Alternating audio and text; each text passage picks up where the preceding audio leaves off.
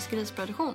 Jag som håller intervjun heter Elin och arbetar på företaget Gård och djurhälsan. I detta avsnitt ska vi prata om rekrytering och dagens gäst är Lena som har forskat och jobbat inom grisbranschen sedan urminnes tider kan man säga. Jag tänkte att vi börjar med några snabba frågor. Vem är du Lena? Ja, jag är veterinär och har jobbat med grisar sedan ja, urminnes tider. Jag började, jag började på, som djurskötare en gång i tiden på grisgård och sen har jag utbildat mig till veterinär och var klar veterinär 80. Och sen har jag doktorerat på gyltans könsmognad och på brunstsymptom och vad som påverkar det och samband med olika produktionsegenskaper. Och sen, sen 92 har jag jobbat i gamla Svenska djurhälsovården och sen numera går det djurhälsan. Hur väcktes ditt grisintresse? Ja... Det var så att jag alltid var... Jag, kommer, jag är ju stadstjej och kommer från Göteborg från början. Och eh, Jag eh, har alltid varit extremt djurintresserad och bestämde mig för att bli veterinär. Eller rättare sagt, det var så att jag ville egentligen gifta mig med en bonde. Men sen kom jag på att man var, var det liksom inte sin partner efter det. Så då blev jag veterinär istället. Men allvarligt talat så tycker jag grisar är extremt intressanta djur. Och sen är det ju också så att det är korta generationsintervall och det går lätt att påverka olika saker. Och eh, sen har jag tyckt det varit väldigt roligt att vara med i hela den här om jag tittar tillbaka på mitt långa yrkesliv, hela den här omgångsgrisning och att vi har jobbat så mycket förebyggande. Och man, vi, vi har verkligen möjlighet i Sverige att bygga en produktion där vi kan producera väldigt friska grisar med vårt omgångstänk och så. Och det är jättespännande. Och, inte, och sen har jag haft förmånen att jobba, varit mycket ute och rest och mycket internationella kontakter. Och man kan verkligen sträcka på sig för den svenska grisproduktionen. Vad är roligast med att arbeta med grisar? Ja, det roligaste är väl det är ju när man har bra eh, kontakt med den gården man jobbar med och folk som jobbar på gården. Och sen det, alltså det som fyller mig med en väldigt stor tillfredsställelse det är ju när man har varit, som till exempel jag har haft en gård som jag har jobbat med nu ett år och som när jag kom in så hade de ungefär 90-100% spägrisdiarréer och sen har vi metodiskt jobbat igenom allt. och nu när man kommer ut och det är jättefriska grisar och alltså riktigt, man, man kan verkligen njuta av att se de här fina friska grisarna. Det, det fyller mig med väldigt stor glädje och, och så. Ja. Om vi ska fokusera lite på ämnet som jag tänkte vi skulle mm. prata om idag. Om hur man ska få den optimala rekryteringen från start till mål kan man säga. Så då tänkte jag att vi börjar med Gyltans första levnadstid i BB. Vad säger du, finns det någonting som man kan tänka på för att man ska optimera för gyltan i sin kull redan där? Ja, det finns ju, alltså en av de första grejerna jag tänker på det var ett arbete som Lotta Rydmer gjorde för länge sedan och det är ju det här hur, hur ska man välja i en kull och då ska man ju välja de största gyltorna i de största kullarna. Det är ju de som har förutsättningar att ha en bra tillväxt och, och så vidare. Och sen är det ju, alltså det viktigaste är ju i BB egentligen, det är ju att coacha suggan så hon tar hand om sina smågrisar så hon mjölkar bra så man får en bra tillväxt.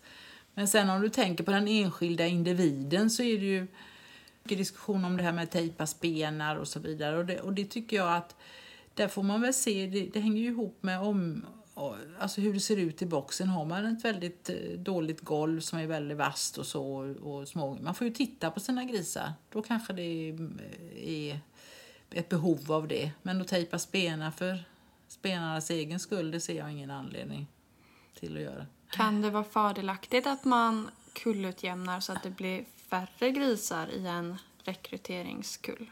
Ja, det beror ju lite grann på vad man har för suggmaterial och så. Och jag tycker ju i, i många av de besättningarna när det fungerar väldigt bra så även om de ligger med ganska stora kullar så är det ju en bra tillväxt. Alltså.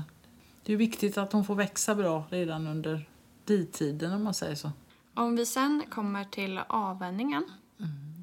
Vad finns det då som man kan tänka på? Så är det fördelaktigt att man slår ihop alla? För ofta har man kanske tre renraskullar. Uh -huh. Ska man plocka ut gyltorna och sätta dem i en egen box redan här eller ska man ha dem kvar i sin ursprungskull? Till exempel? Ja, det är alltså enligt min uppfattning, nu tänker jag ju praktiskt liksom, då är det ju födas och att avvänjas är de mest stressfulla perioderna i grisens liv och jag tror nog att, eller, att det viktigaste är att hålla ihop kullarna eh, under avvänjningen och sen så att de klarar den tuffa perioden och sen eh, senare då. Plocka ur dem Ja, till en egen box. ja. Mm. I Sverige så är det ganska vanligt att man behåller Ja. eh, gyltorna tillsammans med slaktgrisarna Mm. hela vägen. Är det en optimal lösning? Det mest optimala skulle ju vara om man hade ett gyltstall där man kunde ha omgångsuppfödning. För en av anledningarna till att man gör så där, det var ju att vi hade ju problem. Vi hade ju, alltså det har ju varit olika över åren. Ett tag gjorde vi alltid så att vi lyfte ut gyltorna redan efter eh, tillväxtperioden.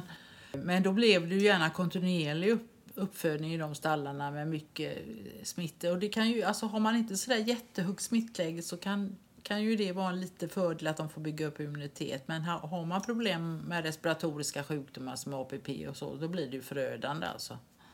Så det var ju anledningen till att vi gjorde så från början. Men eh, det, alltså, man får ju bedöma det från besättning till besättning. För en av de största problemen vi har idag inom vår produktion det är ju de här luftvägsinfektionerna. Och det vet vi ju att det är ju mamman som smittar sina smågrisar. Så att eh, det är ju ett gediget jobb att se till att man får in friska mammor i produktionen. Alltså. Men om man då har dem tillsammans med slaktgrisarna här under den perioden. Ska man tänka på något speciellt då? Ska man ge dem lite, fler, lite mer vitaminer? Ja, eller? det är viktigt är ju att de, är- att de får en utfodring som är anpassat och att man då där, alltså man kan ju göra så att i tillväxten att där håller man ju ihop sina grupper fram till man flyttar ut i tillväxtstallet. Det tror jag är ganska opti, alltså optimalt och sen och så, så delar man på dem. Och de ska ju ha en annan utfodring, de ska ju inte växa lika fort som slaktsvinen gör. Det, påverkar ju hållbarheten och så i ett senare läge. Sen har det också att göra med vilken genetik man har på djuren och det, det tycker jag är en, en sak nu som man ser med, med de här nya fi, fina mammorna vi har i de här Z-linjerna så att de växer ju enormt. Och de utfodringsrekommendationer och så som finns i manualen det är ju anpassat efter, efter ne- alltså, europeiska förhållanden där man har ett helt annat smittryck än vad vi har. Eh, Du nämnde här i början att redan i BB-boxen att man väljer Mm. de starkaste gyltorna. Ja. I vilka lägen skulle du säga sen att man liksom sorterar eller tittar vilka rekryteringsdjur som skulle kunna vara lämpliga? När gallrar man? Vilka åldrar? Ja, det, var, det är ju inte riktigt min hu, huvud eh, som jag har jobbat med. Det är väl viktigt sen att gallra när man alltså, flyttar in dem i beteckningen. Och då är det, alltså när de är små så, så kan man ju ha koll på spenar och såna här saker. Men sen har ju då konditionen på djuret, benställningar och så vidare stor betydelse. Mm. Och så ska man ju gärna titta på hur de rör sig och så. Jag, den här podden är ju en ekopodd. Mm. Vad skulle du säga att det finns något speciellt som man ska tänka på för ekologiska rekryteringsdjur? Ja, alltså det, grunden är ju precis likadan. Men, det tycker jag ju. Men, men det är ju... Det är väl det om man har ekologiska foder att man verkligen är noga med att de är supplementerade med alla vitaminer och mineraler och allting. Och sen också när man har djur i såna här lite större grupper som man har, att man verkligen har koll att alla får äta och så. Det är mycket foder. Ju större grupper man har, ju svårare är det ju med foderstyrningen. Ja, nu börjar vi komma in på ditt ämne kanske. När skulle du säga att det är dags att börja kolla brunst? Ja, när de är sex, sju månader, sex månader kanske. Det finns både internationella studier och även har jag ju räknat på våra stora besättningar. Och, och ett av de största problemen som vi har det är ju att djuren går ut i förtid. Att de håller bara två, tre grisningar. Och både för eh, välfärden och, och även för ekonomi, alltså det här att de har ju inte betalat sig själva förrän de har grisat några gånger så är det ju jätteviktigt att man eh, planerar sin rekrytering, följer upp sin rekrytering och sen även betäcker dem på rätt tidpunkt så de grisar. Och det har vi ju sett i många studier nu att när, om de grisar när de är ungefär ett år då har de störst chans att klara sig i eh, tre, fyra och även sju grisningar har vi tittat på. Och vad som också är viktigt där det är ju att de är, de är ju som duktigast mammor vid fyra till femte grisningen och sen eh, då är de ju mest produktiva. Och sen så sjunker det efter sjunde grisningen. Då får man ju ojämnare kullar och fler döda och så. Men sen något som vi inte tänker på det är ju det här med besättningsimmuniteten. För att eh, alltså, målet är ju att föda upp fina smågrisar. Och eh, vi vet ju att vägdelseare är ju ett jätteproblem i många besättningar och vi vet ju att eh, de unga mammorna har ju större risk att åka dit på grund av att de har en sämre... Alltså det tar ett tag innan de bygger upp sin immunitet. Så därför är det jätteviktigt att titta på. Och det är ju även så en ekobesättning att man har en, bra besättningsprofil på, på åldrarna i sin besättning. Alltså. Och Ja. det finns redskap i Wimpig att titta på det. kan man få hjälp av sin produktionsrådgivare. När man har varit ute och jobbat så har jag ibland upplevt att man har ganska stora gylter som kommer som är röda och som man ser att de har kommit i brunst. Men att de är väldigt unga. Hur ska man tänka i en sån situation? Ska man då seminera henne fast då hon har storleken inne men inte åldern? Eller ska man vänta tills hon har åldern inne och då troligen är jättestor? Ja, men det, det, är alltså, står det där i, i det läget att du har en sån jättestor individ så, så är du säk, alltså då är du tvungen att seminera henne. För hon ska, hon ska, det är ju inte bara det att hon ska klara sig själv, hon ska ju passa in i en grupp också. Och det vet ju att de här stora flodhästarna de ställer ju till problem i våra grupper. Men liksom, du ska ju ha en plan för en rekrytering. Så att då, då ska du försöka undvika att de blir så stora så tidigt. Då är du är du fel ute. Alltså, och se till att du har en sån tillväxt på dina djur så att de inte blir så himla stora. Och det kan man ju få hjälp av utfodringsrådgivarna. Det är inte mitt om, område. Och sen är det ju också det här Alltså när man har, alltså vårt viktigaste instrument för våra friska grisar det är ju vår omgångsuppfödning. Och då har du en, en rekrytering med ojämna åldrar och så, så är du ibland tvungen att seminera en äldre eller en äldre, yngre gylta för att få gruppen att fungera. Det beror ju på vad du har för veckosystem på dina grisningar. Men då ska du vara medveten om att har du betäckt en alldeles för ung eller en alldeles för gammal gylta är det större risk att hon går ut i förtid eller någonting sånt. Så, så, så det, det är ju liksom ett planeringsjobb. Man kan ju inte titta på den enskilda individen så i, i svensk grisproduktion idag utan det är ju gruppen som är intresse- intressant egentligen. Och det är ju det som är problemet i ekologiska besättningar, att det är så svårt med de här grupp att få hålla ihop grupperna och det hänger ihop också med digivningen. att- Alltså det är ju säsongsberoende och så vidare men visar de brunst under digivningen så, så, så är det ju svårt att få in dem i grupperna sen. Eh, Om vi nu har hittat brunst på vår gylta och sen ska vi seminera henne. Kan du beskriva hur den optimala semineringen går till? Ja, alltså den optimala semineringen det är ju så att hon, du, du måste ju ha en brunst. Och då måste du få, eh, få eh, alltså du måste ju ha en bra brunstkontroll. Och visar hon inte brunst, antingen på att du inte kan göra en korrekt brunstkontroll eller att det är någonting fel på djuret så har du ingen chans att, att seminera i rätt tidpunkt. Det är ju, alltså, ägglossningen sker ju under sista tredjedelen av brunsten så man måste ju seminera så länge man har ståreflex. Alltså. Så det är ju ståreflexen som avgör alltihopa.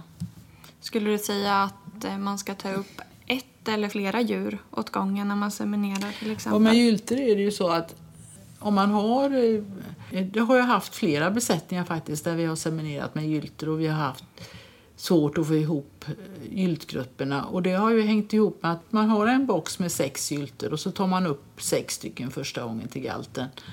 Och så seminerar man kanske tre och sen till slut har man bara en kvar. Och då får man inte den i brunst. Och då gör man ju gärna det misstaget att man tar upp henne ensam. Och då blir hon jätteängslig och rädd. Och då är det ju bättre liksom alltid ta upp tre även om de andra två redan är seminerade. Då är det lättare att få ihop gruppen. På gyltar, när man tar upp henne och sen får man ståreflex. Ska man seminera henne då eh, första gången hon visar ståreflex eller ska man vänta till eftermiddagen eller nästa dag till exempel? Ja, här ska man ju vänta. Det beror ju på vad du, om du har brunstkontroll två gånger om dagen eller inte. Har du brunstkontroll bara en gång om dagen så får du seminera direkt för då vet du ju inte. Men har du en brunstkontroll som är två gånger om dagen då kan du ju vänta. Okej. Och fördelen med det? Det är ju att det är lättare att pricka rätt kanske. Det, är ju det, det, är det gamla klassiska är ju att man ska ha brunstkontroll två gånger om dagen. Men i våra moderna system är det ju väldigt svårt att få det att fungera. Så rent praktiskt blir det ju så att man kollar brunst en gång om dagen och då seminerar man ju gylterna direkt. Finns det någon fördel om man säger, för jag har hört från någon besättning att man seminerar både på förmiddagen och på eftermiddagen när man har... Det måste vara 16 timmar emellan ungefär. För att det, det, kan snarare bli en nackdel om man seminerar för tätt. För varje gång du seminerar så är det ju en risk att du får med dig bakterier och så in. Och det är ju också en anledning att man ska seminera i att det är så jätteviktigt att man har brunst och ståreflex. För att under ståreflexen så är, är livmodern skyddad med massor med vita blodkroppar och så vidare. En, och det är ju det som är det här att seminera i bås. Då måste man ju vara väldigt skicklig på att kolla brunster. För där är det ju lättare att seminera ett djur som inte står ordentligt. Om vi nu har seminerat vår gylta så kommer vi till den fantastiska omloppskontrollen. Mm. Har du några bra tips där? Hur skulle du gå tillväga ute i din besättning? Ja, det beror ju på vad jag har för system. Har jag, har jag dem i, i boxar, i, då skulle jag ju göra så att jag gick runt med galten i gången och så gick jag in och kollade brunst. Men har jag en, en stor djupstrubädd då är det mycket svårare alltså. Det mest optimala av världar, då tar man ju upp alla djuren. Men eh, det är ju inte görligt på många ställen. Alltså de flesta gör ju så idag, speciellt när man har större grupper, att man inte har någon brunskon vettig brunnskontroll på tre veckor efter betäckning. Utan man, man går och tittar lite grann om någon rider på någon eller någon som är lite... Man går bakom kanske, om man har bås. Kan stänga in dem i utfodring så kan man ju gå runt och kolla om de är röda och så. Va?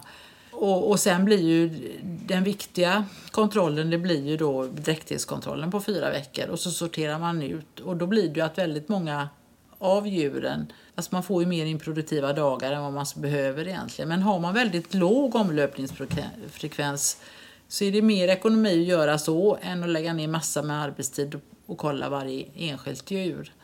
Men därför är det så himla viktigt att hålla koll på det där i, i, i Wimpig för att är det så att omlöpsfrekvensen börjar smyga upp och då är det ofta så att det kanske är en katt, det är ju ofta de unga suggorna som sticker iväg. Och då kanske man ska ta ut dem och kolla dem vid tre veckor. Så man, man ska ju ha koll här. Det känner man ju jätte... För varje improduktiv dag kostar ju mellan 30 och 60 kronor beroende på vad du har för system och så. Hur många chanser ska gyltan få? Ja, jag tycker... Hur du du menar? Alltså man ska ju slakta dem efter ja, andra eller tredje omlöpet. Och sen så har de inte visat brunsten de är i nio månader så ska de ju ut också. För det finns ju en ärftlig komponent i det här med sen könsmognad. Det har vi ju sett i gamla svenska studier att är de sent könsmogna så, så har de ju, då har de ju längre intervall från avvänjning till brunst hela sitt liv. Så det blir färre smågrisar på ett sånt djur. Egentligen är det ju inte intressant hur många smågrisar en sugga producerar per kull utan det är ju livstidsproduktionen som är viktiga. Eh, och egentligen hur många man får till slakt på varje djur. Alltså. När hon nu är seminerad och sen går hon i en bädd och sen vill man flytta henne till en annan bädd. Mm. Hur långt in i dräktigheten bör hon vara då? Hon måste ju ha passerat implantationsperioden. Det var ju när jag började jobba med det här det var ju då när vi började få alla de här suggringarna och så. Och då hade vi jätteproblem med fruktsamheten. Och en av grejerna det var ju att man blandade djur väldigt mycket. Mm. Mm. Och då, grisar är ju väldigt beroende av att ha sin rangordning och så. Och sen är de beroende av att äta. Det är ju liksom det viktigaste för dem. Så, och då blev det ju en av de viktigaste åtgärderna vi gjorde då, det är ju att vi flyttade inga djur före efter, alltså det blir ju dräktighetskontrollen som blev liksom det avgörande. Man tänker tekniskt hur man jobbar i en besättning. Då kan man blanda dem. Flytta kan man ju göra i en intakt grupp om man säger så tidigare, men att blanda dem. Och sen så kom det ju nya, eh, och då gjorde vi ju så, och så gör ju många då, att antingen så, så har man ju sin beteckningsavdelning och sen när man gruppen är klar så, så sorterar man ut dem då, om man nu har för system, trerummare eller bäddar eller pond eller vad det är. Och, eh, men sen så kom det ju rätt jätteintressanta eh, forskning från SLU också på den tiden, i många år sedan nu, och det, som visar att även under den här första tiden när eh, man har det här när äggen kommer ner och ska då fast eh, kläckas och alltihopa. Även då är de väldigt stresskänsliga. Men det, det är värre att flytta dem under implantationen. Så att antingen så flyttar man dem. Det allra bästa det är ju för att de får gå i samma box ända fram till de ska grisa. Men det är ju inte görligt. Va? Så, så eh, det är ju att flytta dem antingen direkt efter betäckningen eller efter implantationsperioden är slut. Och den perioden är väl mellan 12 och... 24 till 26 dagar. Sen är ju, bi- jobbar ju med biologi så att det är ju viss variation. Så har man en dräktighetskontrollen brukar ju vara på 26-28 dagar. Då, då, det är ju ganska bra om man nu ska planera sitt arbete en besättning.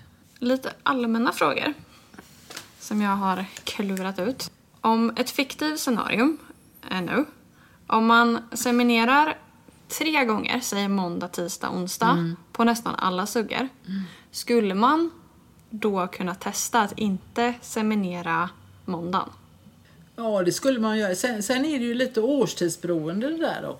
Dels hänger det ihop liksom hur, vilken kondition du har på sina djur, hur lång tid det tar för dem att komma i brunst va, och ha ägglossning. Och sen, sen är det ju viss årstidsvariation också.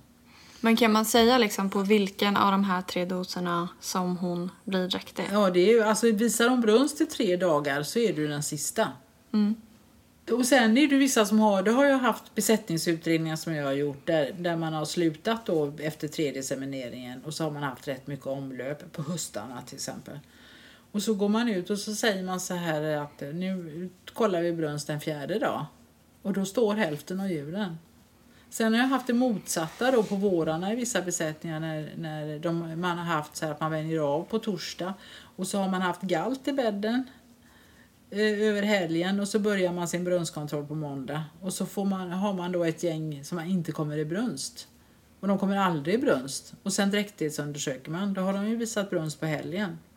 Så, så det är ju liksom inget, det är ju inga, inget statiskt man jobbar med, det, så är det ju. ja.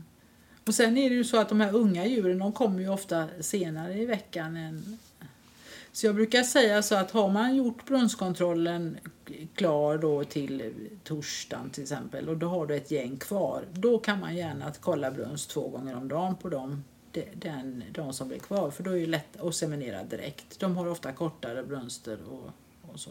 Vi var inne lite på det här, du pratade om immunitet och så.